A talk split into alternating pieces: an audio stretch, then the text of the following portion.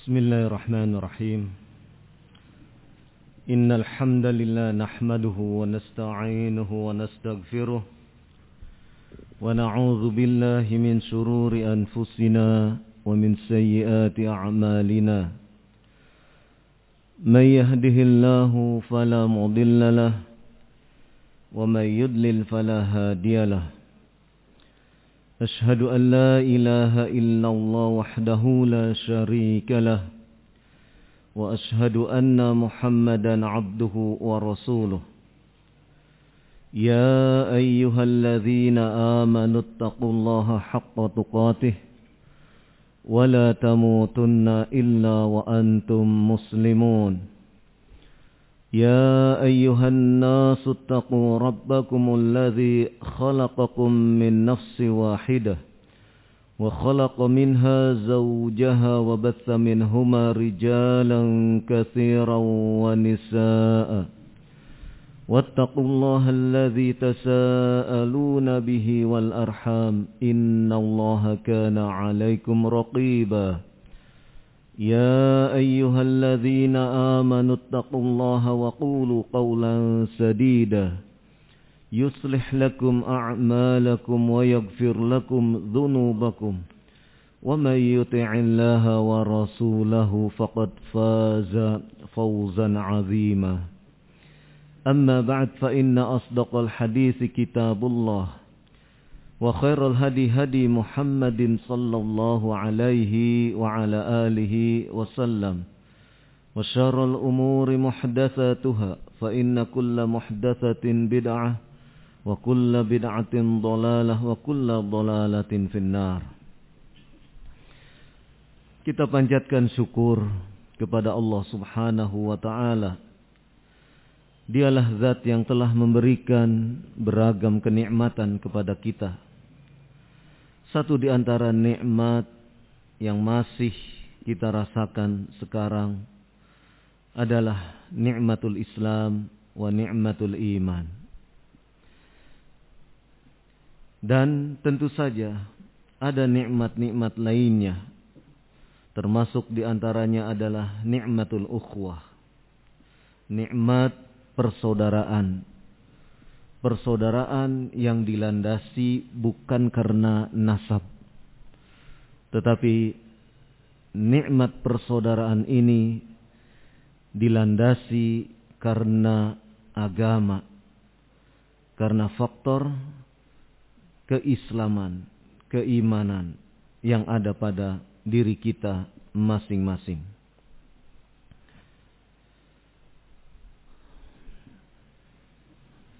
Allah Subhanahu wa taala menyebutkan tentang nikmat ini di dalam beberapa penjelasan yaitu di dalam surat Ali Imran ayat 103 Allah Subhanahu wa taala berfirman wadhkuru ni'matallahi 'alaikum. Id kuntum a'daan. Fa'alafa baina qulubikum fa asbahtum bi ni'matihi ikhwana. Dan ingatlah oleh kalian nikmat Allah yang telah tercurahkan kepada kalian saat kalian dalam keadaan bermusuhan.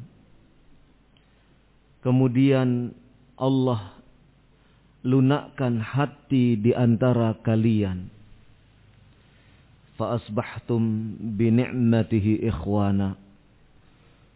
Maka setelah itu jadilah kalian, menjadilah kalian dengan nikmatnya menjadi orang-orang yang bersaudara.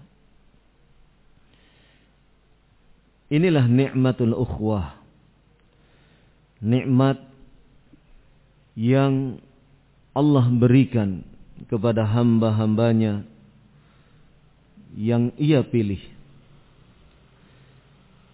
Betapapun seorang hamba memiliki kedikdayaan, memiliki kekuatan, memiliki kemampuan. Namun ia tidak akan bisa untuk menyatukan hati-hati di antara hamba-hamba Allah Subhanahu wa taala. Meskipun ia berupaya menafkahkan segenap apa yang ada pada dirinya, apa yang ada di muka bumi seluruhnya, untuk bisa menyatukan hati-hati di antara hamba-hambanya. Allah subhanahu wa ta'ala memberikan isyarat terhadap hal itu ataupun menjelaskan tentang permasalahan tersebut melalui firman-Nya Allah Subhanahu wa taala menyebutkan وألف بين قلوبهم لو أنفقت ما في الأرض جميعا ما ألفت بين قلوبهم ولكن الله ألف بينهم dan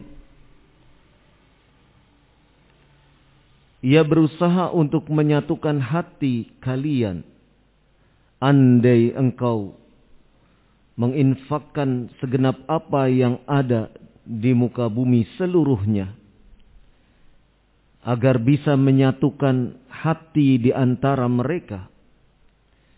Ya.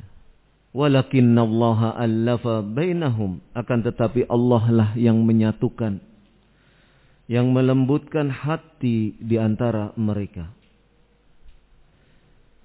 Walaupun sudah berupaya untuk bisa menyatukan hati di antara mereka bahkan dengan segenap kemampuan yang ada menginfakkan segenap apa yang ada di muka bumi keseluruhannya. Untuk terjadinya penyatuan terjadinya ya, kelemah lembutan hati di antara mereka akan tetapi Allah lah yang melemah lembutkan hati di antara mereka, yang menyatukan hati di antara mereka. Allah subhanahu wa ta'ala tegaskan yang demikian ini dalam surat Al-Anfal ayat 63. Maka manakala kita berupaya untuk menjaga nikmatul ukhwah ini. Nikmat adanya persaudaraan. Dan kita harus berupaya untuk bisa menjaganya.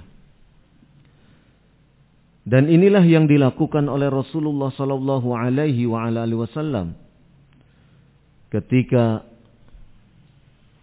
para sahabat dari kalangan muhajirin tiba di kota Madinah dalam upaya menunaikan perintah Allah Subhanahu wa taala yaitu hijrah dari kota Makkah ke kota Madinah.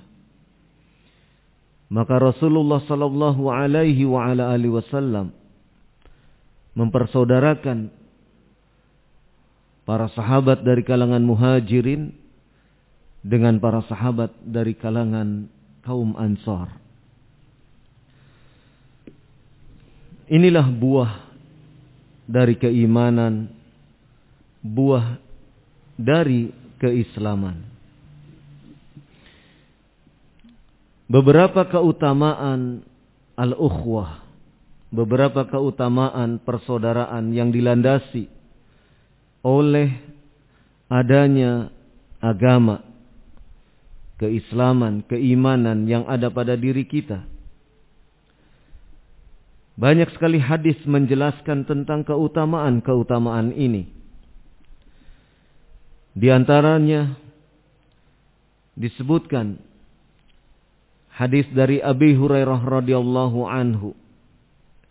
Ia menyatakan Qala Rasulullah sallallahu alaihi wa ala alihi wasallam Inna Allah subhanahu wa ta'ala yaqulu yawmal qiyamah Ainal mutahabbuna bijalali Al yawma udhilluhum fi dhilli yawma la dhilla illa dhilli Hadis ini diriwayatkan oleh Muslim ya, di dalam Sahih Muslim. Rasulullah sallallahu alaihi wasallam bersabda, "Inna Allah subhanahu wa ta'ala yaqul yaumal qiyamah." Sesungguhnya Allah subhanahu wa ta'ala berfirman pada hari kiamat. Ainal mutahabbuna bijalali. Manakah orang-orang yang saling mencintai karena keagunganku? Artinya, mana orang-orang yang saling mencintai karena Allah subhanahu wa ta'ala. Saling mencintai bukan karena faktor keduniaan. Saling mencintai bukan karena faktor keturunan, nasab. Saling mencintai karena Allah subhanahu wa ta'ala.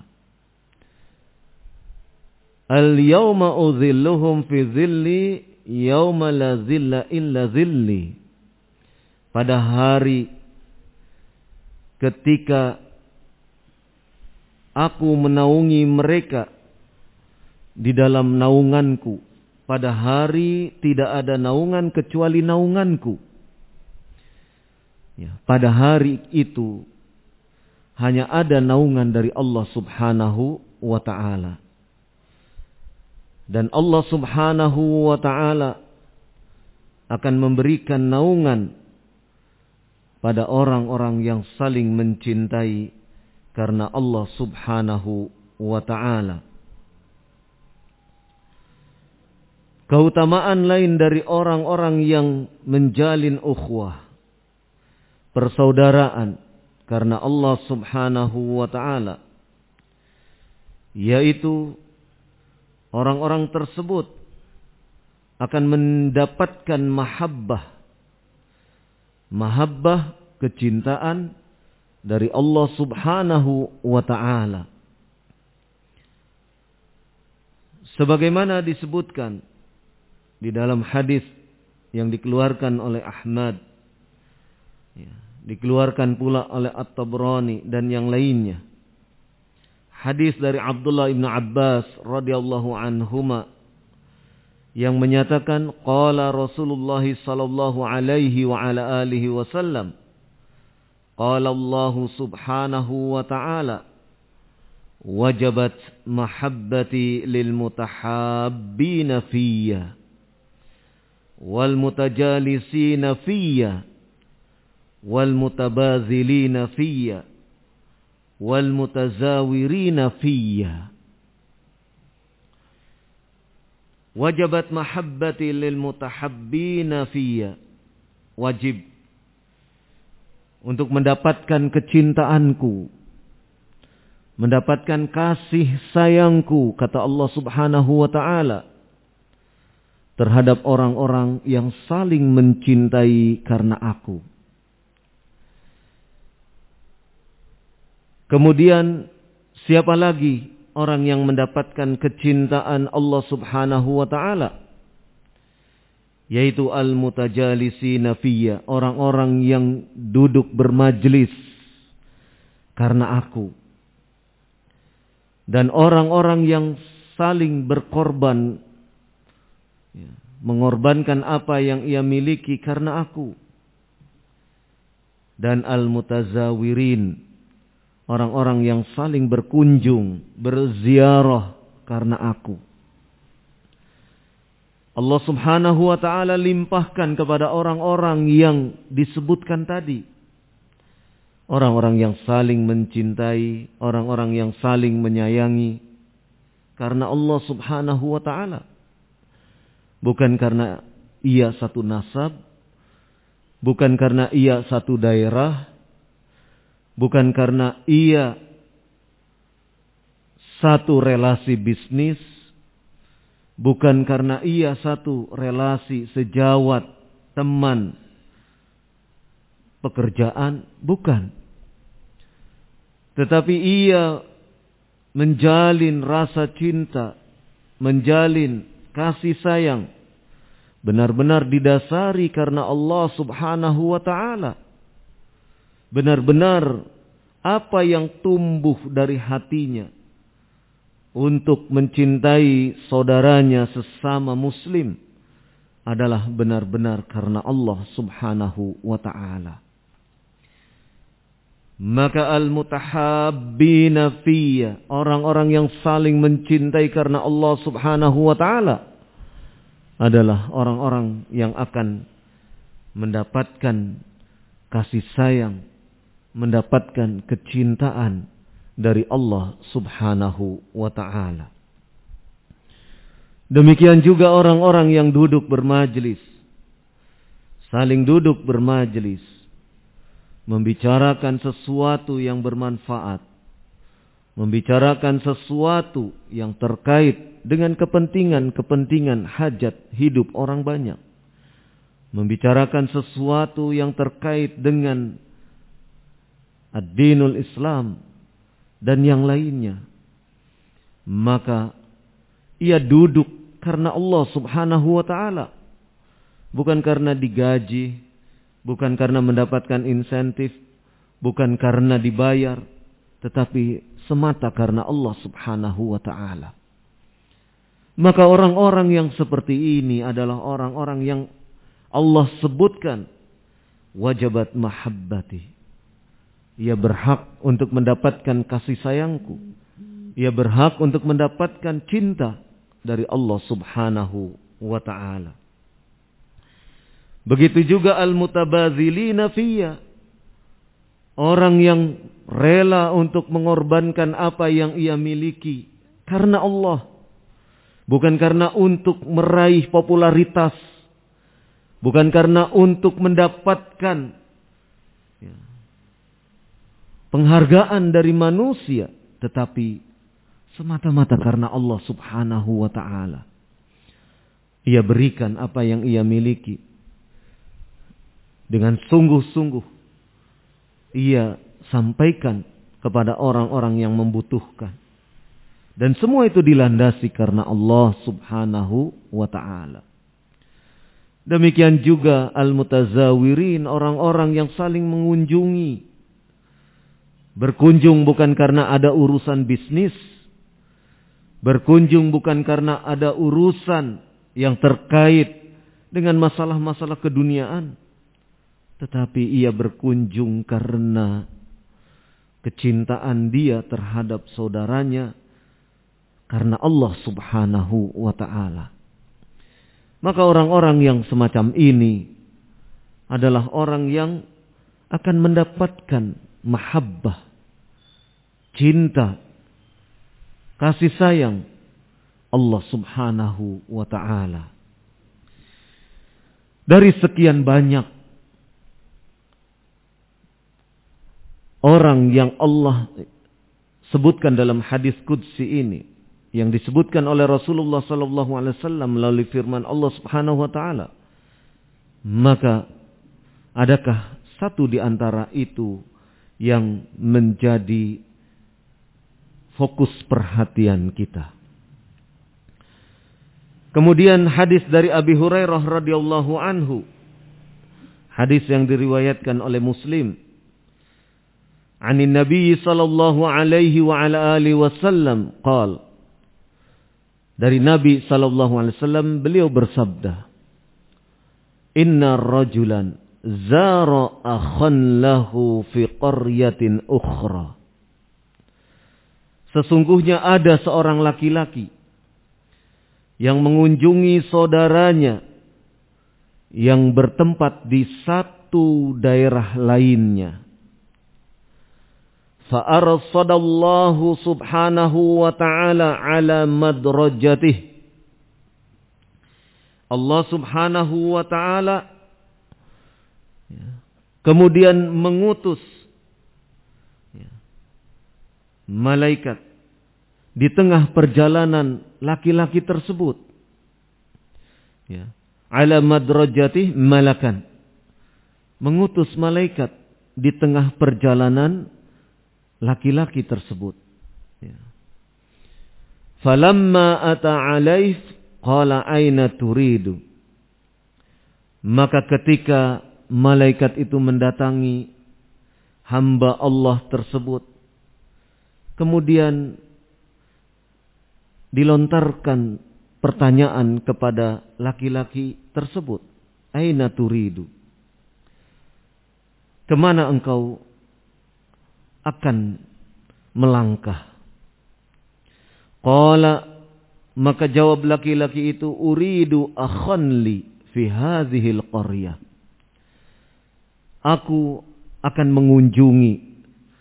Aku ingin mengunjungi saudaraku di daerah ini. Qala kemudian malaikat, malaikat itu bertanya lagi. Hallaka alaihi min ni'matin tarubbuha alaih? Apakah engkau melangkahkan kaki menjumpai saudaramu itu? Ya. Ada sesuatu di balik itu semua. Ada kepentingan tertentu. Yang kepentingan itu akan menguntungkan dirimu. Mendapat nikmat dirimu. Qala jawab laki-laki itu la tidak. Ghaira anni ahbabtuhu fillahi ta'ala aku melangkahkan kaki menjumpai saudaraku tersebut Bukan karena ada kepentingan-kepentingan tertentu. Kepentingan-kepentingan duniawiyah. Kepentingan-kepentingan bisnis. Kepentingan-kepentingan yang sifatnya keduniaan itu tadi. Anni ahbabtuhu fillahi ta'ala. Saya mendatangi saudaraku tersebut karena saya mencintai dia karena Allah Subhanahu wa taala. Saya langkahkan kaki ini untuk menemui dia. Karena rasa cinta yang ada pada diri saya. Rasa cinta karena Allah subhanahu wa ta'ala terhadap dia. Kala maka malaikat itu pun menjawab. Fa inni Rasulullah ilaika. Sesungguhnya aku ini diutus oleh Allah kepada dirimu bi annallaha qad ahabbaka. Sesungguhnya aku diutus oleh Allah Subhanahu wa taala kepada dirimu untuk menyampaikan apa? Qad ahabbaka. Bi annallaha qad ahabbaka. Sesungguhnya Allah mencintai dirimu. Kama ahbabtahu fihi sebagaimana dirimu telah mencintai saudaramu itu. Luar biasa. Kecintaan yang dibangun karena Allah subhanahu wa ta'ala. Mendatangkan kecintaan Allah subhanahu wa ta'ala pada diri seorang hamba. Yang ia berupaya untuk bisa mengunjungi saudaranya. Ya, karena Allah subhanahu wa ta'ala. Inilah di antara bentuk keutamaan berziarah, mengunjungi sesama saudara dalam satu agama. Terlebih lagi kalau itu saudara satu agama dan ada hubungan nasab. Ya. Maka sudah sepatutnya dan sudah selayaknya. Bagi kita semua untuk memperhatikan keutamaan-keutamaan ini. Sedemikian besar Allah Subhanahu wa taala memberikan keutamaan ini kepada orang-orang atau kepada hamba-hambanya yang ia mau berziarah, ia mau berkunjung ke saudaranya semata-mata karena Allah Subhanahu wa taala. Tidak ada lain, tidak ada maksud lain niat yang ada di dalam hatinya berkunjung kepada saudaranya itu semata-mata karena Allah Subhanahu wa taala. Ya. Dan indah sekali hadis ini. Apa yang diungkapkan oleh Rasulullah sallallahu alaihi wa ala alihi wasallam adalah merupakan dasar pijak terbinanya ukhuwah. Dasar bagi terbentuknya ukhuwah yang dilandasi karena agama.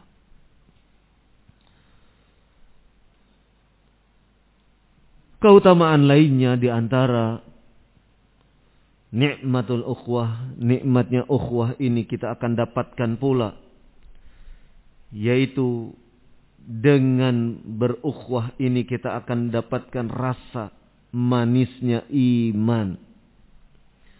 Dalam sebuah hadis dari Anas bin Malik radhiyallahu anhu. Hadis yang dikeluarkan oleh Al-Bukhari dan Muslim. Rasulullah sallallahu alaihi wa ala alihi wasallam bersabda, "Salasun man kunna fihi wajada halawatal iman." Ada tiga perkara yang manakala tiga perkara ini ya, ia dapati, maka ia akan mendapatkan manisnya iman. Apa tiga perkara tersebut? an yakunallahu wa rasuluhu ahabba ilaihi mimma siwahuma. Engkau menjadikan Allah subhanahu wa ta'ala dan Rasulnya engkau jadikan lebih ya, dicintai dari selain keduanya. Ia cintai Allah dan Rasulnya melebihi kecintaannya terhadap selainnya. Yang kedua, wa an yuhibbal mar'a la yuhibbuhu illa lillah. Engkau mencintai seseorang tiadalah mencintainya kecuali karena Allah. Ia membangun cinta terhadap saudaranya dibangun di atas kecintaan karena Allah Subhanahu wa taala. Dan yang ketiga wa an yakroha ayyauda an yauda fil kufri kama yakrahu an yuqdhafa finnar. Ya, engkau membenci kembali kepada kekufuran sebagaimana engkau benci ya, dilemparkan ke dalam api neraka. Manakala tiga hal ini ya, terdapat pada seseorang, atau seseorang bisa menunaikannya maka halawatul iman ia akan mendapatkan manisnya iman ya. Ikhwafiddin azakumullah ya.